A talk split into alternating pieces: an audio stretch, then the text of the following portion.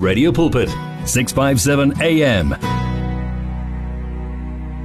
The words of the Lord are words of life. Your heart is on 657 AM. Singumngani singumsizi wansuku zonke. Hey mnteni wethu waseKapa ngicela nisifuniseni bakithi umfundisi bangani. Ngiyabona omunye naye uthumele iWhatsApp lana uthi hey bahle iqiniso umfundisi bangani hle. Uthi we, we miss you umfundisi bangani. We miss your voice.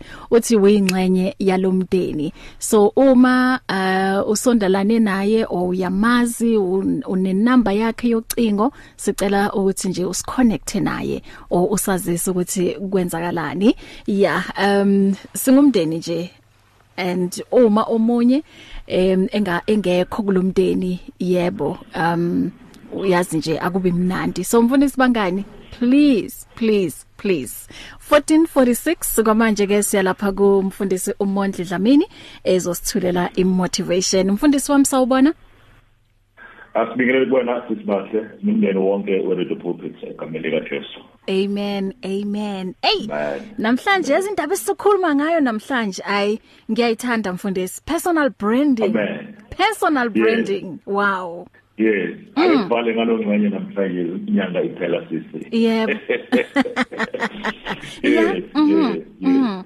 Yeah, I think ahlele emxolweni sisi. Eh kule ndaba personal branding i think in most cases we tend to invest a lot in other things yeah, and yeah. forget about ourselves. Yebo mhm so so so so bawufunda incwadi eClesiastes chapter 7 uh, verse 1 uh, uthi a good name is better than precious perfume. Yeah. Enye translation izothi a good reputation mm.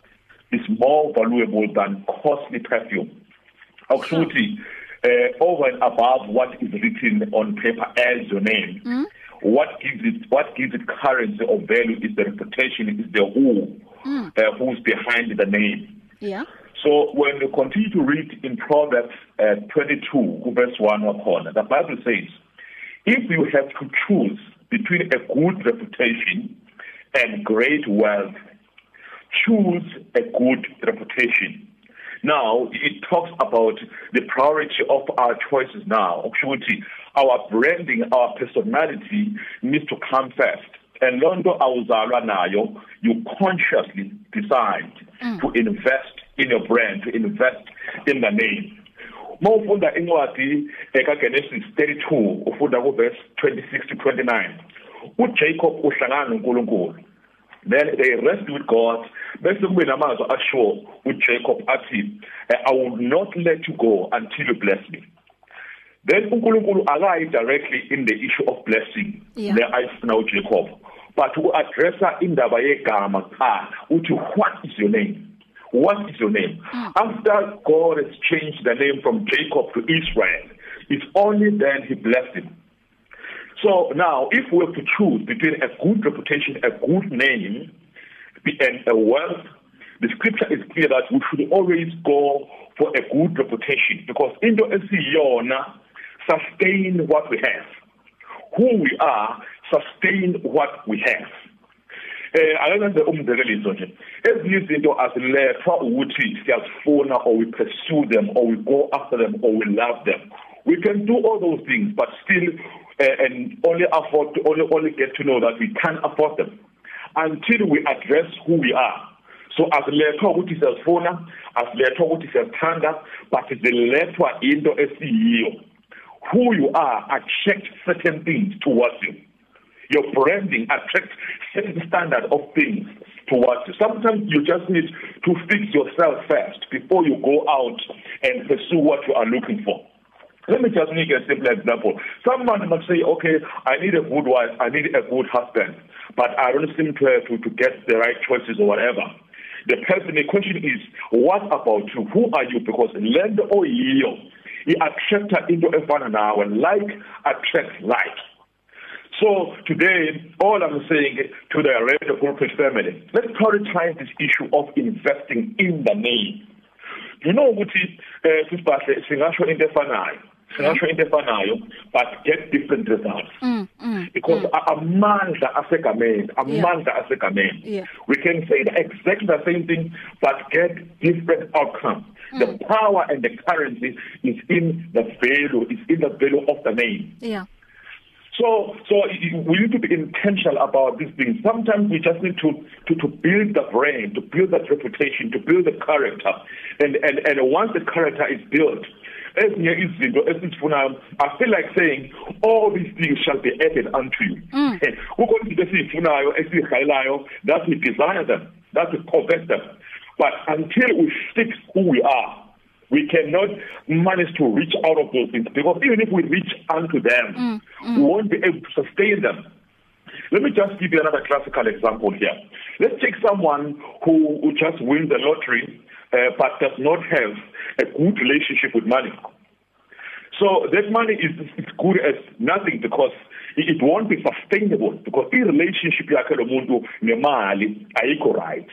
so ukuthi asiqale simlungise i-relationship yakhe umuntu nemali then bese ufika imali ngoba imali mayifike i-relationship ingekho right mm. the blessing the money will be will be, will be, will be the cause of suicide it will be suicidal ukuthi umuntu athole i-blessing athole ingcebo igama lingekho kahle Mm. Mm. because who we are who you are lento oyiyo lento oyiyo eh it determines the sustainability of things in your life mm. you know ukuthi amandla asegameni angamandla because igama sisibahle it outlives your, your name it's what creates your legacy Yeah. so somebody can die today somebody can die today but three years down the line we still continue to talk about that about that person. Asikhulumi ngegama eliku black and white but sikhuluma ngezenzo zakhe sikhuluma ngecharacter. Yona ayinwabeki it doesn't it doesn't get buried. It refuses to be buried. Yeah. so ubuye mangcwabeni ube ukhuluma ngaye ububuya naye character yomuntu into akade eyiyona. Mm. so if you have to choose between a good reputation and great wealth put a good reputation first some of us and actually all of us we need to work this reputation until we get to a point where the reputation is working for us Mm. kukhona abantu ababizwa ngama brand ambassadors akusiwa akumane kuthathe nje unomobani oyi brand ambassador Yeah. So sometimes omunye uqala enganakiwe after continue to work the name out just like the scripture says work out your own salvation. Mm, I'm saying to the red pulpit family let's work out on our brands. Let's work out on our brands. If igama elithi monthly is mentioned mm. what is the first thing that comes to people's mind? What do people think about me? yini ezayo do they get a feeling of joy or do they get a feeling of pain or intimidation because of the things that I've done Mm. So izenzo zethu esizenzayo is what builds our reputation and it's what destroys our reputation Mm. so let's be intentional about this precious investment do you know what is but the greatest asset that we have is your brand Yeah. is who you are Yeah. because you can't achieve uh, you can't achieve anything in the absence of yourself Yes. Ngisathi ndabele ethi now your name outlives your your your your number of days on earth. Uthi David eh maya endlini kaSaul uthi ukhona yena osele endlini kaSaul na? Ukuze ngimenzele umusa ngenxa kaJonathan yabona? Okusuthi kunawa withdrawals manje enziwa isitepeni kaJonathan iwenza egameni lika Jonathan Wow. So our families should get to a point whereby they are able to to make some demands, do some withdrawals, eh, eh, eh, with reputation as in doing essentially. So the greatest asset we have is ourselves. Mm. So let's make sure that you invest in that name. Uh, ama investors you know but it's about I'm a banker sometimes I talk a bank language Yeah, yeah. So so ama investors actually actually the greatest investment you can ever make is Uh. investment in yourself Wow. it's investment in yourself because Wow. you don't pay tax on it and you don't get out in the morning and all your investment is gone. Mm. Mm. So it, you deserve the best. Uma Yes. calling people asking who best the color, you cannot give what you don't have. Mm-hmm. You cannot give the best that you don't have. You give the best because you have the best. Mm. But it means now you must first have the best before you can be generous to others in giving the best. Mm. So this thing of personal branding, I mean, it's very serious.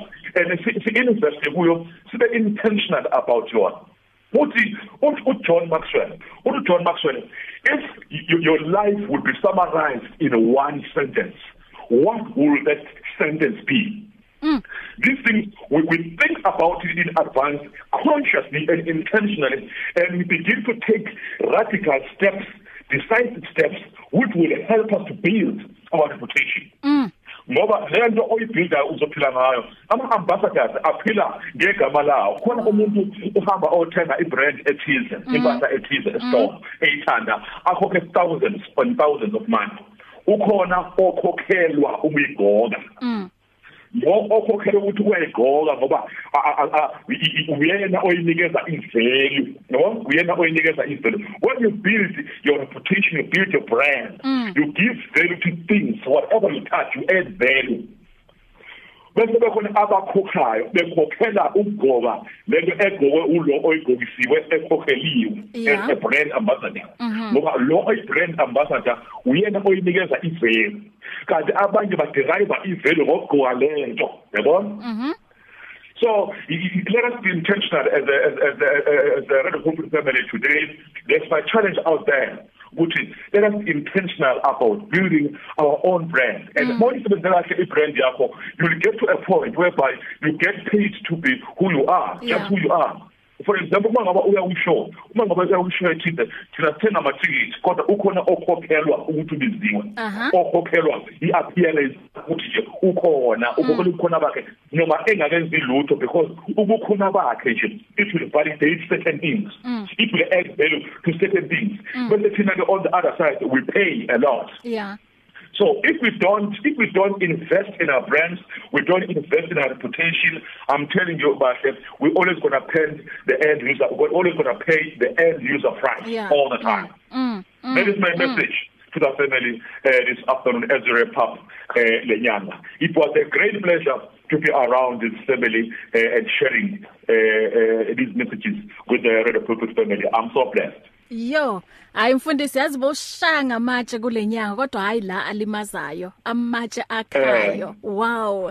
Siyabonga kakhulu. Invest in your name. Fix in your name. Yes, fix who you are which is your character, your, reputation. Yebo. Mm. Yo, hayi mfundisi. Because that doesn't yeah. die. It outlives your name. It outlives your it will live beyond the, your number yeah. of days on earth. Yeah. Yes. Yeah. Yeah. Yeah. Mm. Yo, you give the best ngoba you have the best. You I, have the best. Ngiyayithanda that line. Eh uh, uma you don't give what you don't have. exactly mfundisi. Umam Teresa Sithole uthi uthi yo personal branding uthi siyabonga kakhulu ngemotivation eh kumfundisi uMondli Dlamini. Yo siyabonga kakhulu mfundisi wami. Uyazi sifundile nje okukhulu kulama motivation obusithulela wona kulenyanga yonke le eh ka February labo ke mhlawumbe abathanda ukuthi bangaxhumana nawe utholakala kuphi? Simple sis i'm not complicated i'm not on twitter uh, yeah. I'm on i'm on facebook. Cs mondi dlamini uh-huh. that's that's my my whole page. And then my number is 079 529 1792 that is my number. Mm Siyabonga mfundisi wami. Until sizohlangana futhi akusho ukuthi ke uma sigcina namhlanje kusho ukuthi angeke sisaba nawe um I'm part of the family I belong here. Yes yes certainly. Yeah yes, sibongile mfundisi ube nje um ne Sunday enhle until we meet again. Yes. uyazi ngicela ngicela ukuphelezela la ngonathi mankayi. Uthi ithemba uthi ithemba mfundisi um, umculo nje lo engudedicatela kuwena kulolu suku. God bless you. Oh thank you so much sister. God bless you and the whole family. Amen. Amen, amen. from your ear to your heart to your mouth to your feet join this life on 657 am if you need prayer please send your request to prayer or WhatsApp 0674297564 or go to Radio Pulpit website on www.radiopulpit.co.za It's here. Radio Pulpit's new website is live. You can tune in at radiopulpit.co.za and enjoy crystal clear sound with just a click of a button or listen to our podcasts. Discover biblical truths in our daily devotionals and let our stories of hope inspire you. You can download our app on this new look, easy to use platform. Find your favorite program, get to know our presenters, and so much more at radiopulpit.co.za. Radio Pulpit, your daily companion. You and 657 AM and life, a winning team on the road to eternity.